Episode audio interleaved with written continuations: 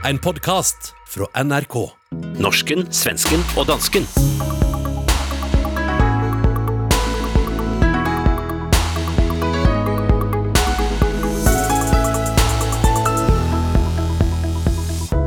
Sverige kan få sin første kvindelige statsminister. Dansk Folkeparti har mistet sin posterfamilie, og Norge får kæft fra verden og fra svensker.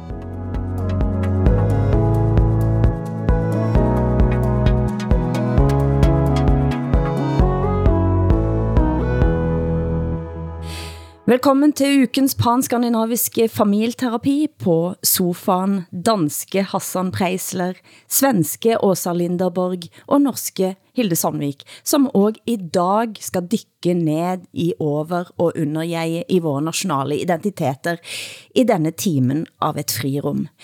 Og dette burde ha været festuken for norsken, svensken og dansken. Det er Nordisk Råd session i København, men sett fra sidelinjen, det er friktion i storfamilien. Den norske statsminister Jonas Gahr Støre får slagt fra rasende svenske politikere for det de mener er norsk pandeminationalisme. Hvad siger du også? Har, eh, var Norge pandeminationalister? Men jag, tror, jag tror att alla länder fick någon stark Eh, eller stärkt nationell identitet och alla slöt ju upp kring sina regeringar och ingen ville liksom tro att den här smittan skulle ha någon annan, något annat skäl än att den kom utifrån och att det var sådär. Men, men alltså, det är klart att den, den norska nationalismen, när, när ni stängde gränsen mot oss i Sverige, det slog ganska hårt faktiskt. På det är ju det är ju en av världens största liksom, zoner där folk rör sig fritt fram och tillbaka, arbetar, lever. Eh, det var rätt hårt av Norge att stänga gränsen mot Sverige. Där. Det som slår mig er hvor betent dette virker fremdeles, og der tænker jeg norsken, svensken og dansken må ha et særligt opdrag som fredsmäklare skal Ja. yeah. melde os også. Ja, vi får, får försöka göra det då. Men eh, jag, jag tror att eh, det blev, det blev en rätt stor knäck där faktiskt i relationerna mellan Sverige och Norge. Vi som eh, ändå är väldigt beroende av varandra och påstår vi tycker om varandra också. Sametinget har appelleret til dronning Margrethe om at det danske Nationalmuseet giver tilbage en samisk tromme, som dansken har haft siden 1692. Den blev taget fra shaman Anders Paulsson, før han på bestialsk vis blev dræbt med øks for at være ugudelig. Da Fremskridtspartiets Helge André Njåstad nå på onsdag udfordrer den danske statsministeren Mette Fredriksen om at give tilbage kulturskatten, fik han som svar fra Fredriksen på Folketingets talerstol at øh, Jeg, jeg må være ærlig og sige, at jeg ikke har øh, mange kompetencer i, i, ud i at vurdere øh, en samisk tromme. Øh, så går ud fra, at der er en dialog øh, om, omkring de spørgsmål, så det vil jeg ikke, øh, det vil jeg ikke turde gå, gå ind i. dette er et principielt spørgsmål selvfølgelig. Hvad siger dere? Bør trommen tilbakeføres til Norge og samene? Altså, det, det er jo en uh, uventet og ret vidunderlig alliance mellem samerne og Fremskridtspartiet i Norge pludselig. Uh, det, jeg elsker det, når der opstår uventede alliancer. Uh, så hejer for uh, Fremskridtspartiet for at støtte op om, om de her, um, uh, om det oprindelige folks uh, ønsker og krav. Uh, men, men altså, den her uh, tromme, den befinder sig jo i Norge hos samerne. Øh, Den er udlånt. Til december. Ja, og så øh, kan vi jo forlænge det her udlån. Øh, men, men det er jo ikke øh, godt nok. I, øh, øh, I vil have trummen tilbage, kan jeg forstå. Jeg, jeg, jeg vil he, egentlig hellere vende tilbage til øh, det første, vi talte om i relation til Nordisk Råd, fordi prøv at høre, Nordisk Råd er en dødssejler, og det har det været i mange, mange år. Af en eller anden årsag, så ender Nordisk Råd altid med at beskæftige sig med de her ligegyldigheder. Ikke? Altså øh, øh en eller anden fornærmelsesfølelse øh, over en grænselukning, eller en, en tromme. Altså, øh, øh, prøv at høre, vi er jo Nordisk Råd altså øh, den her, øh, det her program. Vi er det egentlige nordisk råd, fordi vi er folkets stemme. Vi er undergrunden. Nej, den representationen står inte... jag- Alltså, jag representerar inte svenska folket. Det måste jag bara få säga. Ja. Hallå Hassan, jag Ja. har inga sådana ambitioner att representera Okej, ja, men svenska det- det folket. så för- Nej, jag representerar mig själv. Inte Sveriges Radio, inte någon. Jag representerar mig själv. Nå, okay. Jag måste ha det fört i protokollet. Okay, jeg føler mig som en repræsentant for det danske folk. Jeg føler mig ganske norsk i dette, og Åsa, det slår mig stadig væk, at du er ganske svensk. Och det är, men jag skulle, all, jag skulle aldrig säga att jag representerar Sverige. Alltså, det är många som inte vill bli representerade av mig kan jag säga. Så att jag har inga sådana ambitioner överhuvudtaget. Lite ödmjukhet tror jag nog man får visa här. Men Åsa, du har været i Polen siden sist. Ja, ja, ja, väldigt hastigt så hamnade jag i Warszawa bara för en nöjes skull. Det var så länge sedan jag var där och ville se vad som har hänt. Och då hamnade jag på det här museet för modern konst som vi har pratat om. Som ju nu har en ny intendent som påstås vara lojal med eh, lag och rättvisa. Och där såg jag den här utställningen som är så utskälld med, eh, om politisk konst. Eh, där bland annat då eh, dansken Ove Max Jensen, men sen också svenskarna Lars Vilks och Dan Parks var med. Och sen en iransk exilkonstnär, en kvinna som eh, piskade Koranen och sådär. Det var mycket som var bra, men eh, det var ju också Sverige som gjorde bort sig i det här sammanhanget med, med Dan Parks. Jag tycker att man ska få göra konst om allting. Jag tycker att vem som helst har rätt att göra konst om allting. Men hans eh, antisemitiska, liksom, hans, när han skändar förintelsens offer eller håller på med n-ordet på det där viset. Det är helt utan finess faktiskt. Helt utan intelligens och briljans. Men det andra var ganska intressant, var det. Ja, nej men det var väl en liten rapport helt enkelt från, från, en, från en resa om någonting som vi har pratat om här. Jag tänker det är många som, som har skällt ut, i Sverige i alla fall så är den där uh, utställningen utskälld utan att jag sett att någon enda eh, konstkritiker har varit där och tittat på det. Ja, men det, det er jo også helt tosset, ikke? at man sådan, ligesom per automatik ligesom har udskammet og udskilt den her øh, udstilling. Altså, den er, den er kurateret af, ja, altså efter, efter min overbevisning, en af de, eller måske den modigste museumsdirektør, vi har i Danmark, som faktisk er norsk, øh, og som øh, hedder Jon Eirik Lundberg, og er leder af Læsø Kunsthal. Altså, øh, Jon øh, går op imod øh, de kollektiver, der er i Danmark. Øh, og han gør det ikke i politisk opposition. Han gør det som kunstnerisk uafhængigt menneske. Det interesserer ham at udfordre øh, de øh, fælles strømninger, der er, og den tidsånd, som dominerer.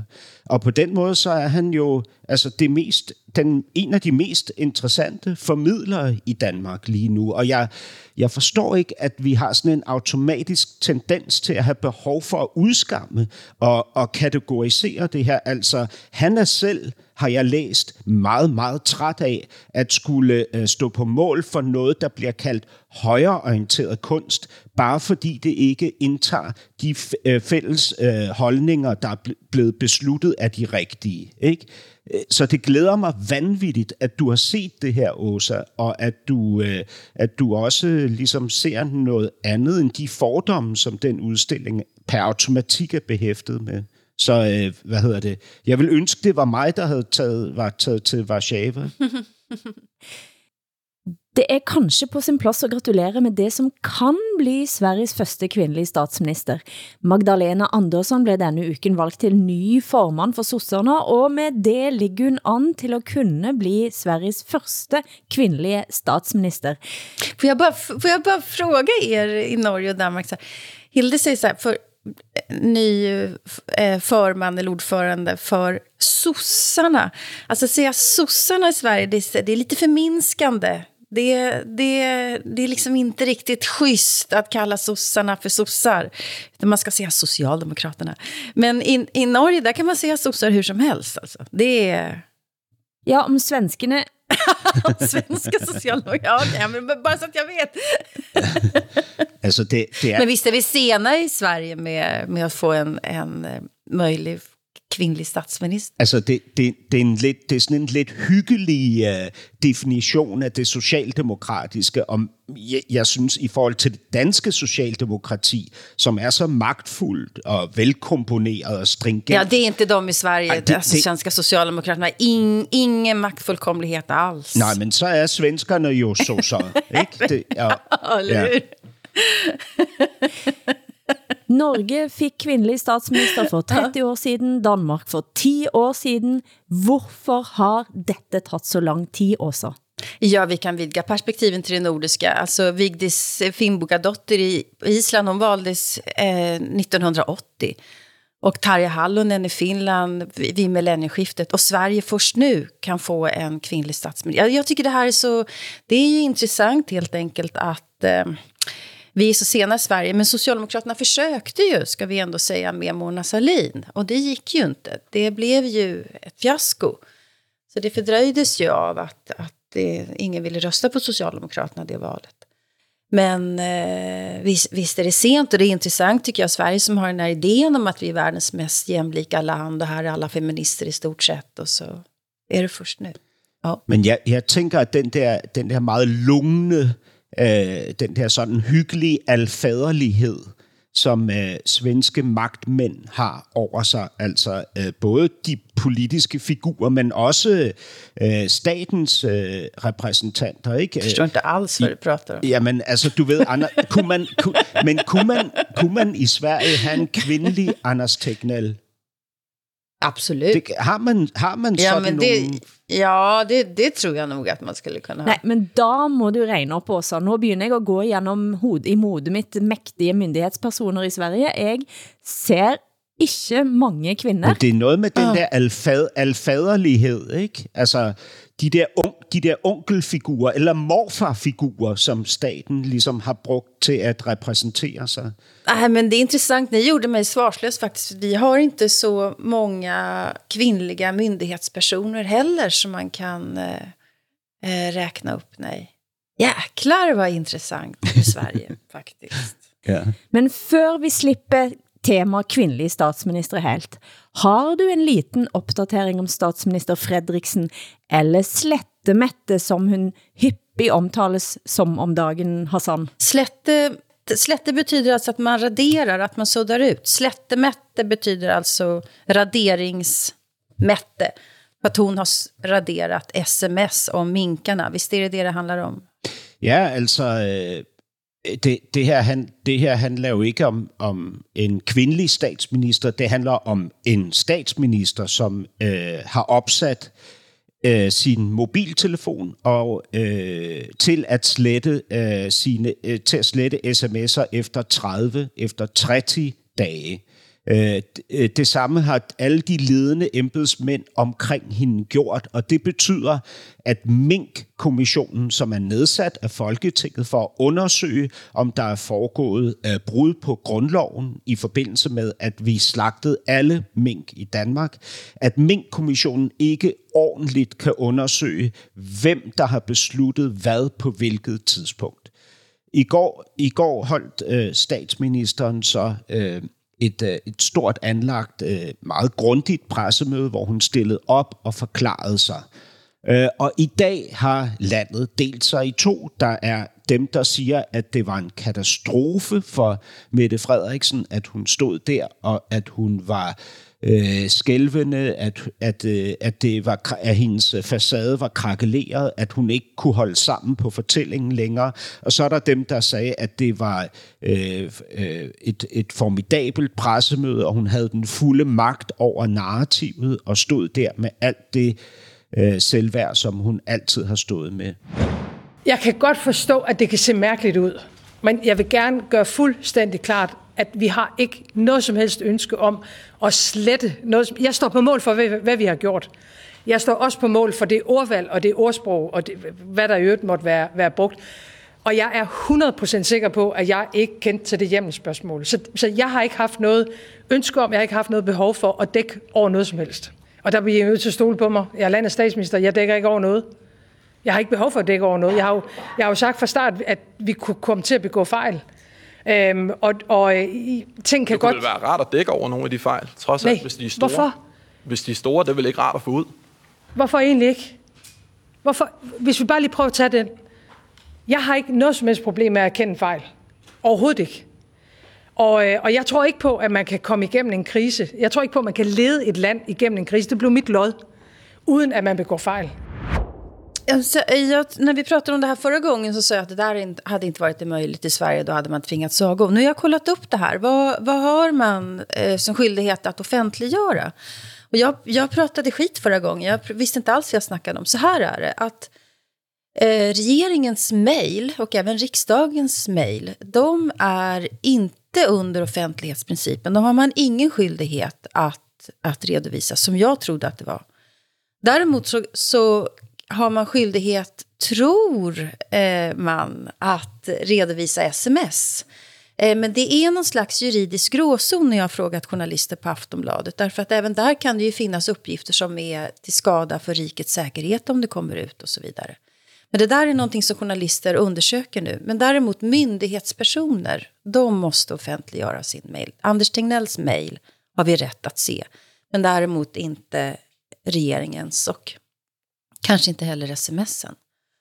Men är inte frågan om Mette Fredriksen, alltså hon står väl ändå för sitt beslut? Är det inte om minkarna? Är det inte det som ändå är knäckfrågan här? Jo, men alltså, det, altså for mig at se, så er det egentlige spørgsmål er jo også, om den her øh, perfekt komponeret statsminister, som står på en perfekt komponeret socialdemokratisk regeringsmaskine, kan man finde en sprække ind, øh, sådan så øh, man kan få øh, enten, hvis man ønsker noget godt, få menneskeliggjort det her, eller hvis man ønsker noget skidt, få det nedbrudt. Ikke?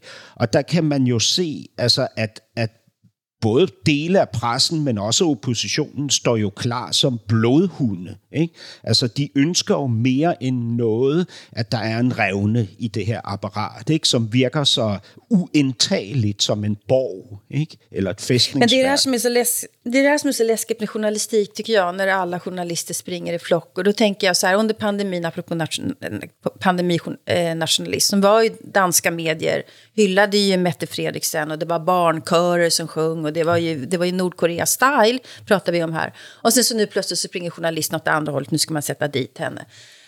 Och eh, jag tror att in, det finns inte en enskild journalist som tänker nu jävlar ska jag sätta dit Mette Fredriksen. Men sammantaget så är det vad man gör. Eh, och man framstår nästan som en åsna att man inte tänker självständigt igen, egentligen när man ser på sitt eget värv som journalist.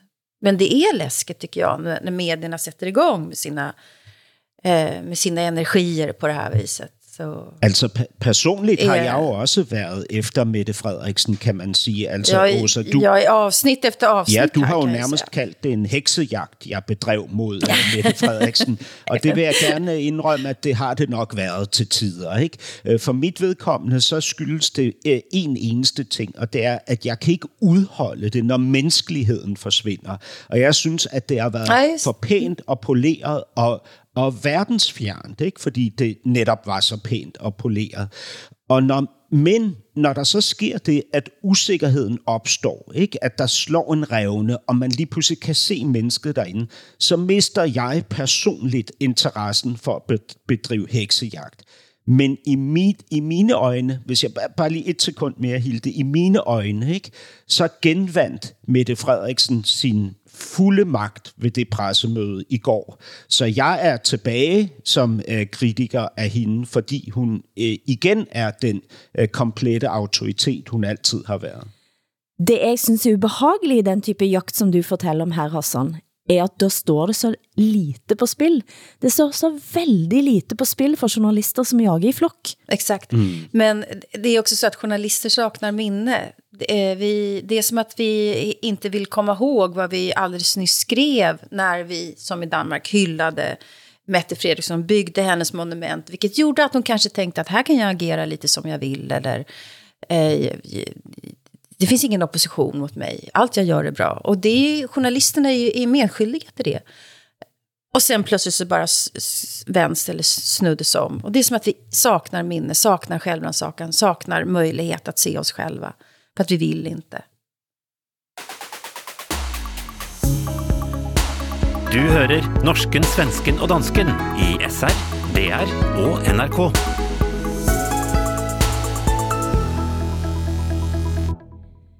Men det pågår også et andet toppmøte, som kanskje er vigtigere for verden end Nordisk Råd, nemlig COP26, FN's klimatopmøte i Glasgow. I Sverige har det været aktionert på flypladser rundt i landet også. Ja, det var några, eh, jag vet inte vad man ska kalla dem, klimataktivister eller gröna extremister eller ekoterrorister, kalla det vad som helst, som limmade fast sig bland annat på Bromma flygplats för att protestera mot flygtrafiken. Eh, ja, det, är, eh, det är ganska intressant. Alltså, 2014 så tog sig Greenpeace in på en kärnkraftsanläggning i Oskarshamn. Det tog dem bara 18 minuter att klättra över stängslet med en, med en steg. Och det här väckte ju stor uppmärksamhet, för det, är, det visar ju bara hur farligt det kan vara, att, att liksom bristande säkerhet och så här. Eh, Eh, de fick, då fick Greenpeace en, en, en ganska stark folklig uppslutning kring sin aktion. Det fick, man inte, det fick inte de här klimataktivisterna kan jag säga, att de limmade fast sig i, på Bromma flygplats. Det tror jag folk tyckte var jävligt pajigt bara. Jeg så blandt andet, at eh, danske Berlingske skriver, at nordiske etterretningstjenester advarer mot spirende ekstremisme og blandt miljøaktivister. Hvad siger PET i Danmark, Hassan? Jamen, altså, jeg, jeg, jeg har været inde på øh, PET, altså politiets efterretningstjenester. Der kan man se, at de arbejder jo med kont- kontraekstremisme i relation til venstre ekstremister og højre ekstremister. Og venstre ekstremister er beskrevet som folk, der øh, øh, kæmper med øh, lovlige og selvfølgelig ulovlige midler for en anderledes integrations- og asylpolitik samt klimapolitik. Så øh, det danske PET arbejder ifølge dem selv øh, med klimaekstremisme, altså øh, en potentiel øh, terrortrussel, vel, vil jeg gå ud fra, ikke i relation til klimaet. Og det, altså, jeg, når, når jeg møder folk, ikke, som jeg øh, egentlig opfattede som normale mennesker nede i brusen her, som er vores, øh, jeg ved ikke, hvad sådan noget hedder i Sverige og Norge, Ica, Ica øh, og oh.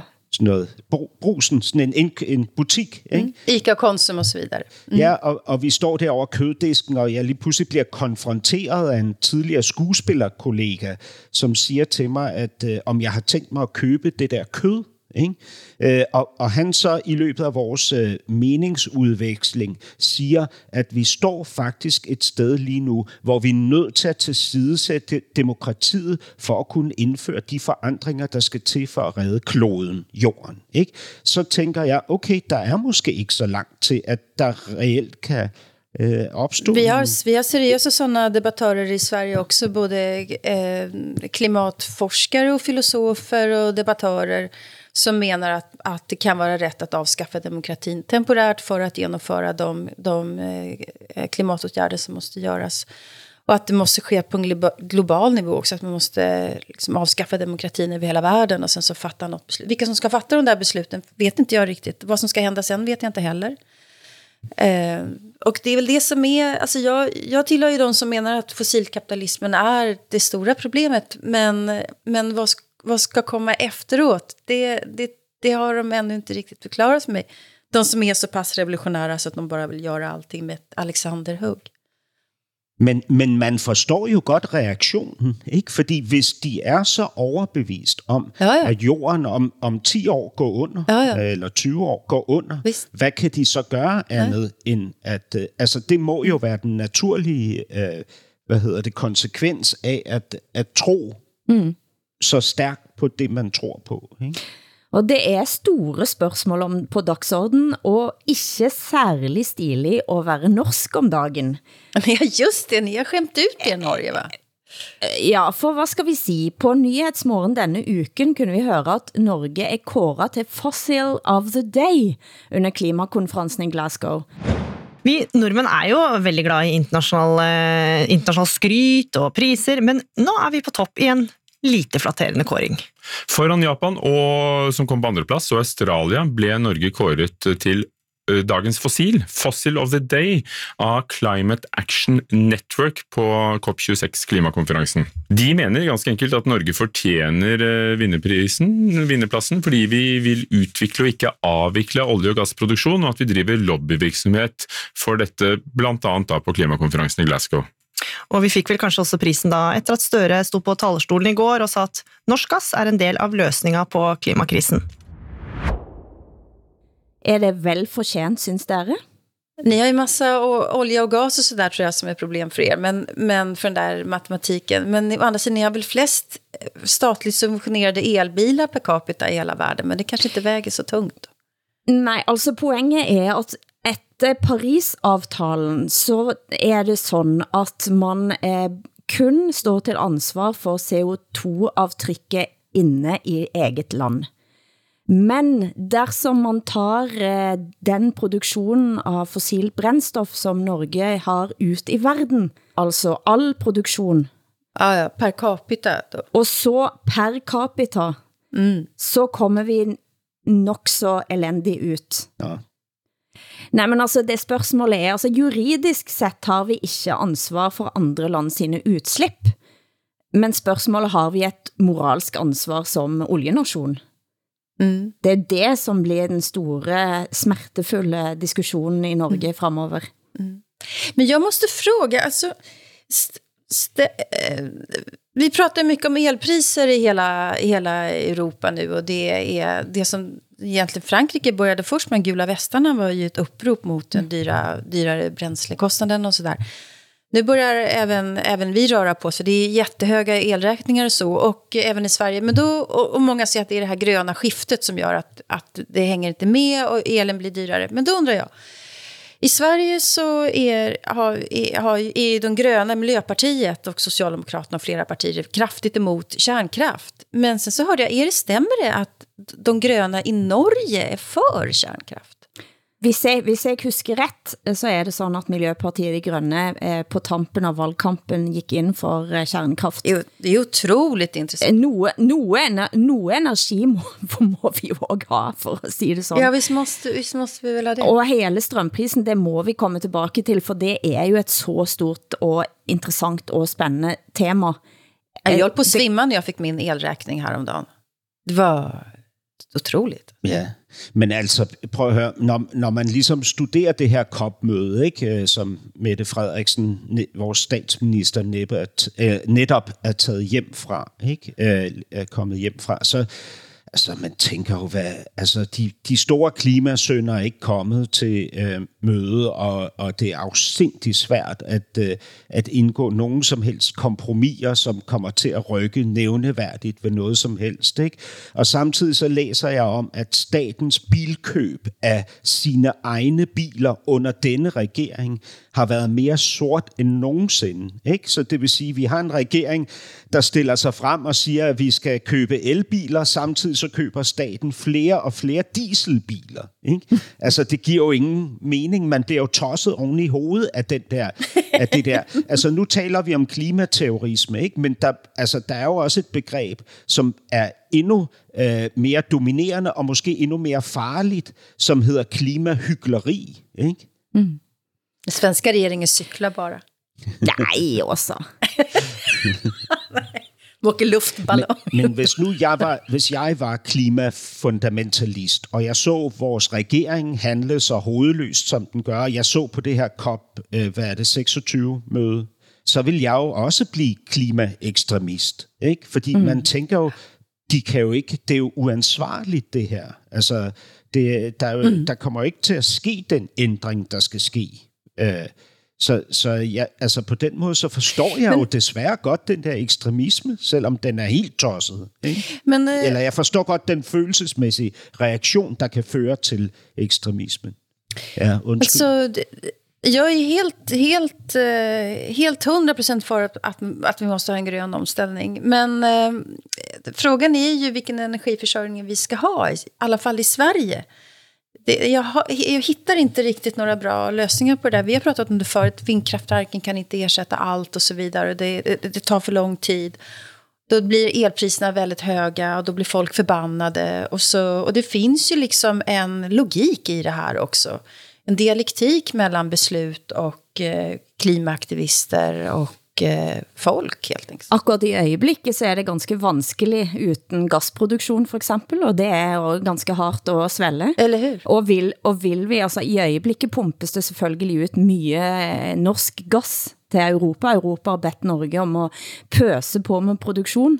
Eh, kutter man også norsk gasproduktion, så står man igen med Rusland. Ja. Eh, Og geopolitisk så er det nok så interessant eh, bilde. ja. Men det er krise i den svenske fødselsvården. Hvad sker også?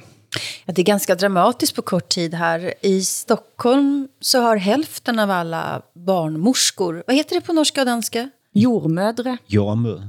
Jordmödrar såklart, det är klart att det heter. De har sagt upp sig. Eh, 40 stycken sa upp sig på fyra dagar bara på Danderyds sjukhus. Och vi har ju pratat om det här förut när, när Hassan blev pappa igen. Eh, om eh, bristerna i, i eh, bristerna i förlossningen, som det heter på svenska då. Och då kommer jag ihåg att vi sa det, att när man är som, som förälder, nybliven förälder, så orkar man ju inte ta strid. Men jag tänker, nu har jag klarat av det här, nu kommer jag hem med mitt barn. Och då sa vi det att det som krävs är att de som arbetar där tar strid för en bättre förlossningsvård. Och det är det som händer nu i Sverige. Eh, Det är inte så att de strejkar för högre lön eller någonting sånt, utan de, de, eller de, de säger upp sig på grund av patientsäkerheten. Att det är farligt att föda barn därför att personalen är för, för få. De arbetar för mycket, de har helt orimliga arbetsbördor. Eh, Så jag tycker att det här är något av det viktigaste som har hänt på, på, i Sverige på, på senare tid. För att det här är, det, det, vi måste få en bättre förlossningsvård. Det här gäller framförallt Stockholm. Och nu har de styrande i Stockholm sagt att Åh, vi sätter in ett jättesnabbt eh, paket här så att allting ska lösa sig. Men det här har alltså varit en kris i många, många år. Men, ja, men det, det är dramatiskt och det är, det är rätt häftigt faktiskt. Har det skett noget i Danmark, eh, Hassan, efter at jordmødrene protesterte i Danmark? Altså, jeg, jeg havde jo lagt det fra mig, øh, fordi det var en så voldsom oplevelse at, øh, at være på øh, Ja. altså både en fødegang og en barselsgang, som var så øh, underbemandet og overbelagt og nedslidt. Ikke? Øh, men nu har jeg tjekket op på det, og altså de seneste udmeldinger og tal viser jo, at på trods af, at politikerne stiller sig op og siger, at nu kommer der flere penge osv., så, videre, så er forholdene lige så elendige, som de var før sommeren. Mm. Øh, altså, øh, for eksempel så har man i Region Hovedstaden indkaldt jordmødre, som i dag arbejder i HR, altså Human Resources, og ikke har forløst et barn i 10-20 år, dem indkalder man nu til fødegangene, øh, hvor de så får lov til at gå til en konsulentløn, mm. men som jordmøder på fødegangen. Mm. Ikke? Det vil sige, de tjener mere end det dobbelte af, hvad en, en jordmor øh, tjener, fordi jordmorerne, jordmøderne på de danske fødegange får en afsindig lav løn. Altså det er øh, chokerende, hvor lidt de tjener, hvor hårdt de arbejder, hvor urimelige deres vagtplaner er, ikke? og hvilke, hvilke nedslidte faciliteter de skal arbejde øh, i. Ikke? Altså dårlige, dårlige øh, barselstuer, dårlige personalestuer, øh, elendige forhold. Ikke? Altså, Hvad er det, som gør, at man havner der? Med det, som burde være det vakreste i livet, at sætte et barn til verden, som vi trænger så sårt i tillägg? vet inte, men i, i Sverige så är ju pri, primärvården eh, kraftigt eftersatt. Det har ju hela den här coronakommissionen visat bland annat. Och det har att göra med att vi inte tycker att det ska få kost, kost, kosta några skattepengar tror jag. Och att det är en organisation som är uppbyggd enligt eh, vinstprinciper och så vidare. Som, som det inte var för 30 år sedan. Så det är ju liksom ett annat, en annan syn på, på vården. Vad den får kosta, hur den ska vara. Det är så kraftiga systemfel, det visade i pandemin i Sverige. Det är samma sak med äldre, äldrevården, den är, ju, den är ju under all kritik. Så det är inte bara när man kommer till livet, utan det är när man ska lämna livet också. Sen har vi fantastisk specialistvård. När man väl kommer in och verkligen är sjuk, då, då ska man vara glad att man bor i Sverige.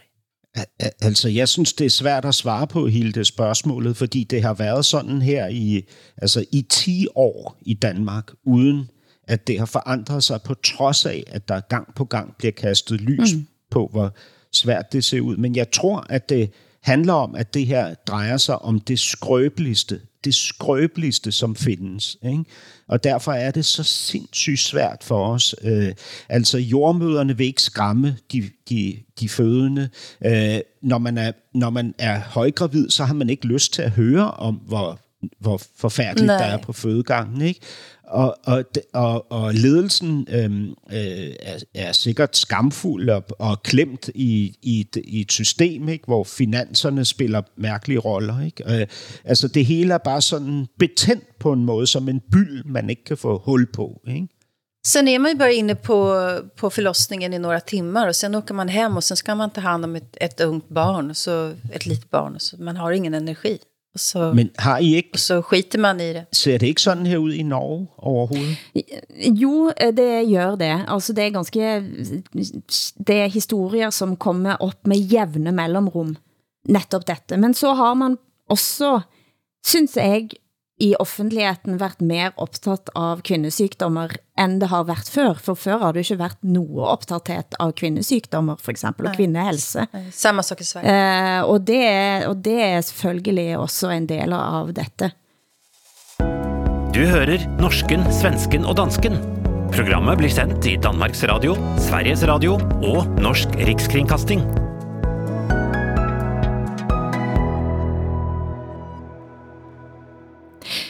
Forsker Cecilie Hellestveit, Midtøstenforsker, er en av våre fremste forskningsformidlere, jurist, folkeretsekspert, konfliktforsker og utenrikspolitisk kommentator.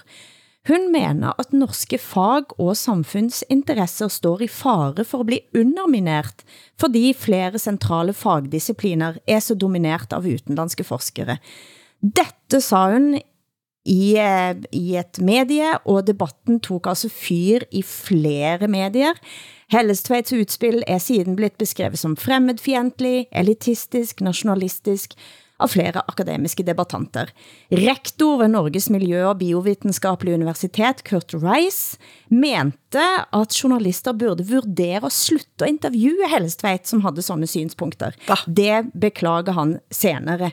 Altså, ni har ni har en välrenommerad forskare som menar att eh, Eh, det är problem ifall det är för många utländska forskare ja. i Norge. Alltså att, det att, att inhemska forskare inte får samma utrymme som tidigare, eller? Så att jag förstår vad det här är. Hun mener at norske fag- og samfundsinteresser står i fare for at bli underminert, fordi flere centrale fagdiscipliner er så dominert av utenlandske forskere, og det er jo en del av hele internationaliseringen. Eh, jeg satt eh, for nogle år siden i et ekspertutvalg, som skulle give råd til ny norsk språklov, og så blandt andet på språk i akademia, eh, og så hvordan eh, det er et, det som på fagspråket heter domænetap av norsk i akademia, der engelsk rykker ind, det er en del av den internationaliseringen også, men så er det også noget med at eh, man opererer i et globalt marked, og dermed så er utenlandske forskere eh, i veldig stor udstrækning og foretrække i ansættelsesprocesser for eksempel. Og det var noget af det som Cecilie Hellestveit da påpekte. Men det är klart att Cecilia Hellesveit har helt rätt. Alltså, det, det är problem när ett lands forskning är för provinsiell. Det är klart att det är viktigt att, att man kan kommunicera och att man kan hämta, alltså bygga nätverk och att man kan ha utbyte internationellt. Det är ju jätteviktigt. Eh, men i alla fall i Sverige så har det varit en utveckling som gör att eh, eh internationella samarbeten väger tyngre än svenska erfarenheter, vad man ska forska om och vilket språk man ska använda eh, eh, mer och mer av undervisningen i Sverige sker på, på engelska och, och avhandlingar skrivs på engelska, vilket, vilket är ett problem. Dels för att få ut forskningen i Sverige, eh, det uppdraget som vetenskapen har att faktiskt vara kommunikativ till, till skattebetalarna. Men sen också att man faktiskt tänker sämre. Alltså alla undersökningar visar att om man kommunicerar på ett annat språk än sitt eget så tänker man ungefär 15 procent sämre. Alltså dåligare? Dåligare. Ja. Och det, det är ju ett problem när, man, när vi har att göra med, med vetenskap. Jag som är historiker, alltså det är ett problem att undervisa på engelska när det gäller svensk äldre tid, därför att det finns inte ord på andra språk än just de här svenska, den här gammelsvenskan. Man kan inte citera för det är, om man ska undervisa på engelska. Det är så mycket av färg som försvinner helt enkelt. Mm. Ja, det, eh, jag förstår inte att det här, att, hur kan man kallas för rasist eller xenofob för att man eh, vill försvara möjligheten att, liksom, att, eh, att forska på det egna landet eller det egna språket. Jag fattar inte det. Norges fremste ytringsfrihetsjurist Anine Kjærulf har skrevet at hun blev kontaktet av en professor kollega som i fullt alvor ba henne om at vurdere om Hellestveits xenofobe utsagn falt ind under straffelovens forbud mot hatefulle ytringer. Men vad är det som händer i Danmark? Eller i, vad är det som händer i Norge? Alltså jag har hela tiden tänkt att ni, ni kommer aldrig att hamna i den här situationen som låter väldigt svensk. Mm. Faktiskt med, med cancelkultur och det plattformeringar. Och mm. Jag har alltid tänkt att ni är lite smartare i Norge än vad vi är här i Sverige. Och nu, är ni, nu har ni ramlat rätt ner i det här helveteshålet faktiskt. Jag kan säga att denne eh, rektoren eh, ved universitetet NBMU Eh, han som uttalte at eh, Cecilie Helstveit burde beskyttet, beskyttes mot sig selv. Va? Det beklager han efterpå. Men han är amerikansk for eksempel. Just det, så. det egna intressen att försvara. Ja, han har varit en av de, da han var tidigare eh, universitetsrektor ved Oslo Met, bare sjekk navnet, Oslo Metropolitan University, mm. så, eh, så var han eh, väldigt emot alle forslag om eh, at snakke, skrive mer norsk ved universitetet. Altså han har været uttalt mot eh, en slags norsk drejning og stor internationalist, men han mente altså at hun burde ha blitt beskyttet mot sig selv för han angrar? Ja, jag, jag tänker att mång, många som, jag skulle gissa att många som kallar Cecilie Hellesveit för eh, xenofob och så vidare, det är också samma människor, gissar jag här nu, som, som menar att, eh, som har en analys som går ut på eh, vita privilegier och hela, hela det där eh, postkoloniala projektet. För mig så är möjligheten att kunna prata andra språk, det är ett privilegium eh, som som inte alla har. Det är ett klassprivilegium. Man ärver sina föräldrars självförtroende och språkkunskaper. Mm. För mig var eh, engelskan ett handikapp när jag forskade. Jag läser engelska obehindrat, jag är otroligt blyg av att prata engelska, skriver inte på engelska. Jag har det hemifrån, jag ska inte skylla bara på mina föräldrar, men det är så mycket som kommer hemifrån. Det här är en privilegiefråga. Hade jag skrivit min doktorsavhandling på engelska så hade den blivit sämre, dåligare. Mm. Det är, alltså, utan tvekan så hade den blivit det. Jag hade inte ens fortsatt i att doktorera i historia. Men, men det är... Det... Eh, och det, så kan det väl inte vara meningen, eller? Det är klart att jag måste kunna skriva på svenska som svensk forskare. Helt klart, selvfølgelig. Naturligvis. Altså, øh, ja, altså, det er jo givet, at det skal være sådan. Ikke? Og det er jo givet, at man ikke skal anklages for xenofobi, fordi man ønsker at, øh, at forske på sit eget sprog, eller gøre opmærksom på problematikkerne omkring at skulle forske i egen historie på andre sprog. Hvad er det for noget? Men vi har jo talt om det her før, ikke? Altså, hvordan universiteterne i nogle øh, bestemte fakulteter bliver nogle små bobler, og hvor det, der i sin tid var øh, et ønske om åbenhed, tolerance og mangfoldighed, i stedet for at blive noget, der, der handler om, om lukkethed og intolerance mm. og ens, ja, det er ensartethed. Ikke? Altså, ja. det, det, er så, det, det virker jo om sådan nogle, øh, det virker mest af alt om sådan nogle ekstremt mm. tight religiøse bevægelser. Ikke? Og når jeg ser min datter bliver 12 år snart, ikke? så skal hun i gymnasiet og måske også på universitetet. Ikke? Oh, det bliver så svært for mig at skulle støtte og anerkende hendes valg, hvis hun vil studere på nogle af de der universiteter eller nogle af de fakulteter, som repræsenterer det her. Ikke? Fordi det er et indsnævrende, begrænsende og, og småfascistisk menneskesyn, der dominerer her. Ikke? Um, Men det er også noget med, at man er øh, en lukka inne i en universitetsverden, som ikke i den grad bidrar til samfundet rundt sig. Exakt, det är Eh, precis og, så. Og det er, altså jeg var debatt- og kulturredaktør i Bergens Tidene i universitetsbyen Bergen, og jobba ihærdig for at trække ind eh, forskningskapaciteter ind i samfundsdebatten. Og der var nogen, eh, nogen veldig gode bidragsytere, men det er også kæmpe i motvind, fordi man får et indtryk av at mange av de som jobber ved universitetene, de ser egentlig lidt ned på de samfundene, som de jobber i. Altså, de vil helst forholde sig til en global universitetsakademia-verden, eh, mens de byene, de skal bo og leve i, synes de er, eh, ja, altså, eh, hvad, hvad heter det? Pinsamma små provinser. Ja, små provinser, provincielle, det var det ordet jeg lette efter. Ja. Man hæver sig over det, rett og slett. Ja. Og det er jeg jo, er jo veldig for internationalisering og eh, bro over grænsene og åbne samfund. Men når man åbner samfund op, enten det er til den ene eller til den andre, så skal man også ha en eller anden form for interesse for det samfundet man træder ind i.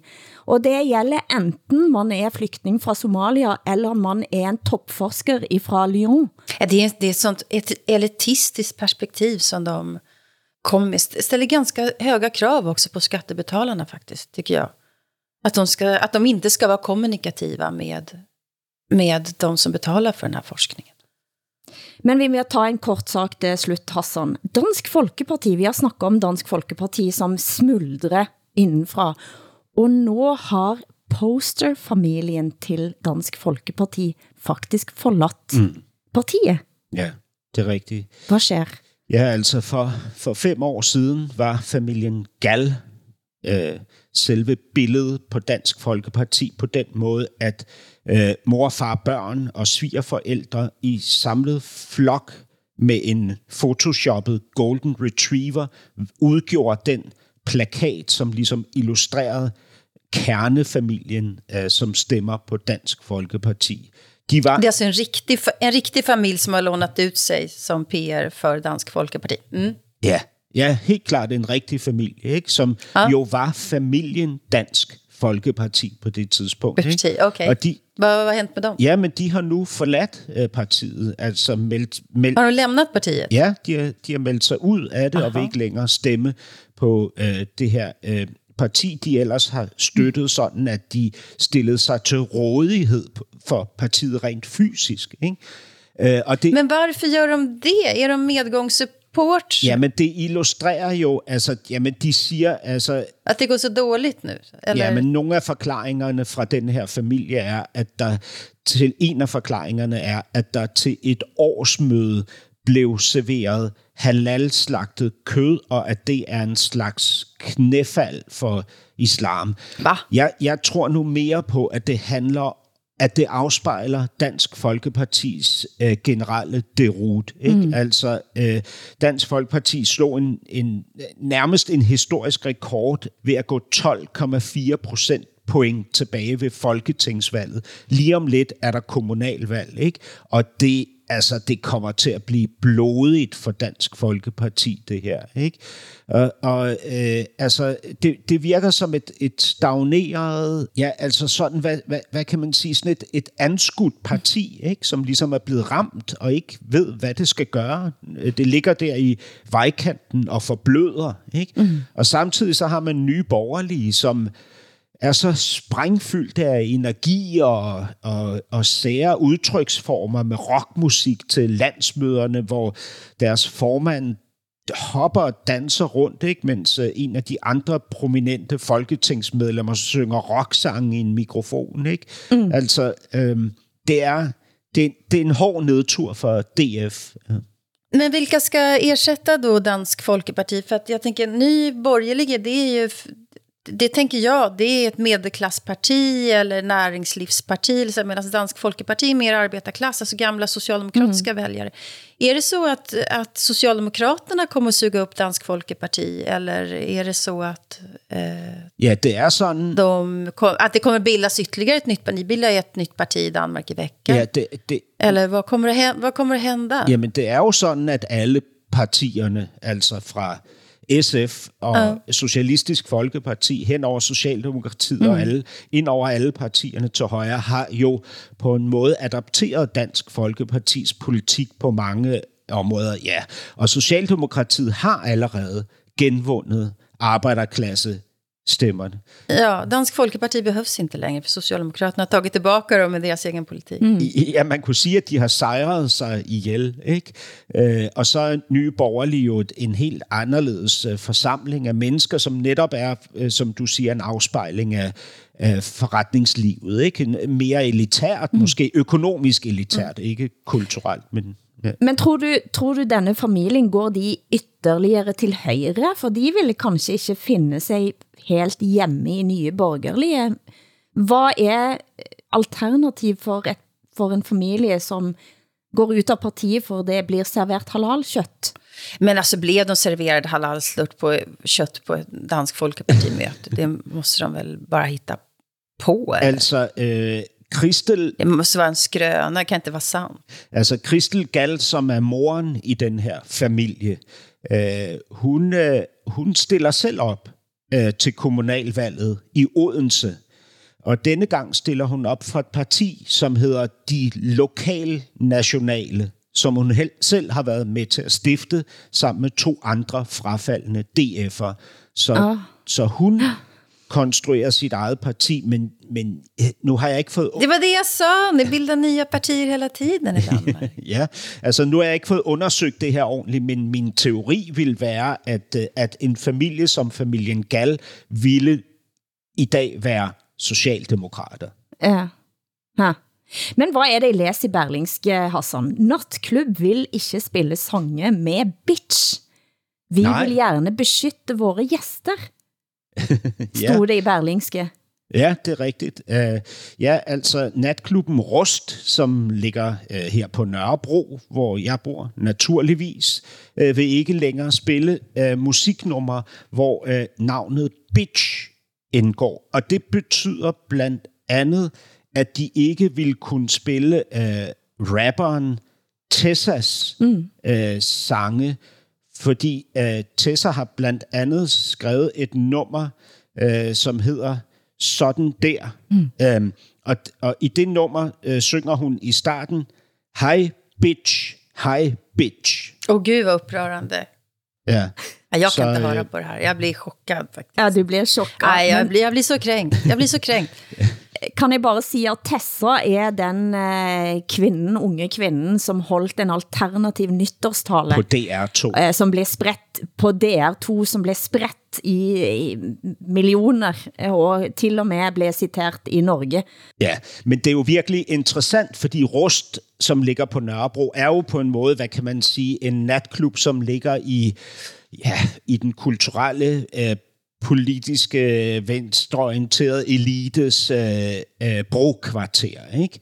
De vil nu ikke længere spille musik, som kommer fra Vestegnen, altså fra underklassen, fordi mm. herude bruger øh, kvinderne, øh, de kvindelige rapper bruger blandt andet ordet bitch, ikke? og der kommer Rust jo igen ud i den klassiske konflikt mellem ideal og praksis, eller to idealer i virkeligheden. Ikke?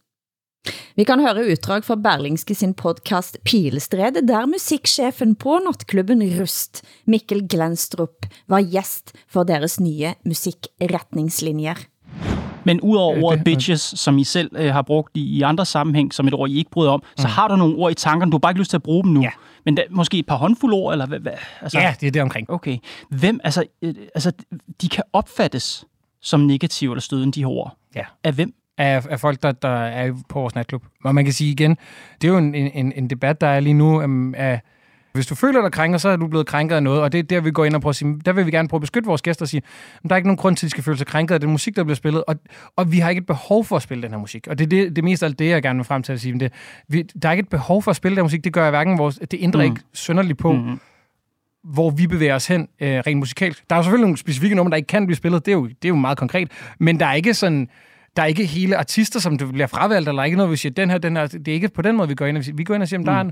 der er nogle, noget sprogbrug, vi ønsker, øh, og ikke er en del af vores klub. Og beskytte jeres publikum fra. Ja, lige præcis. Hvor skal den sætte grænsene? Det kan vi diskutere på kommende episoder av Norsken, Svensken og Dansken. Jeg kan tænke på en lang liste av ord, som jeg vil eh, forby. Hvad er det for nogle ord?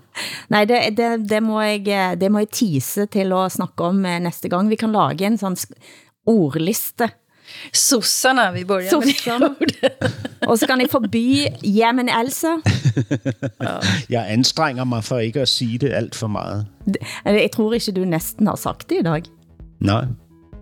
Det blir sidste ord for norsken, svensken og dansken denne uken. Producent har været Henrik Kulland Ulving, takter som Preisler i København, Åsa Linderborg i Stockholm. Jeg heter Hilde Sandvik i Bergen. Programmet er produceret for NRK, SR og DR av Broen XYZ. Vi høres igen om en uke. Hej, bitch. Hej, bitch. Skal bare høre, hvordan var? Jeg ved det ikke, jeg bliver sådan der, som om han er bange eller sådan noget. Jeg var sådan der raw, han var sådan der wow. Er du bang, bang, bang for den papiro på? Jeg var sådan der, kom, tag min hånd, lad os gå. Jeg var sådan der raw, sådan der raw. Papi, kom her. Sådan der, eh, sådan der.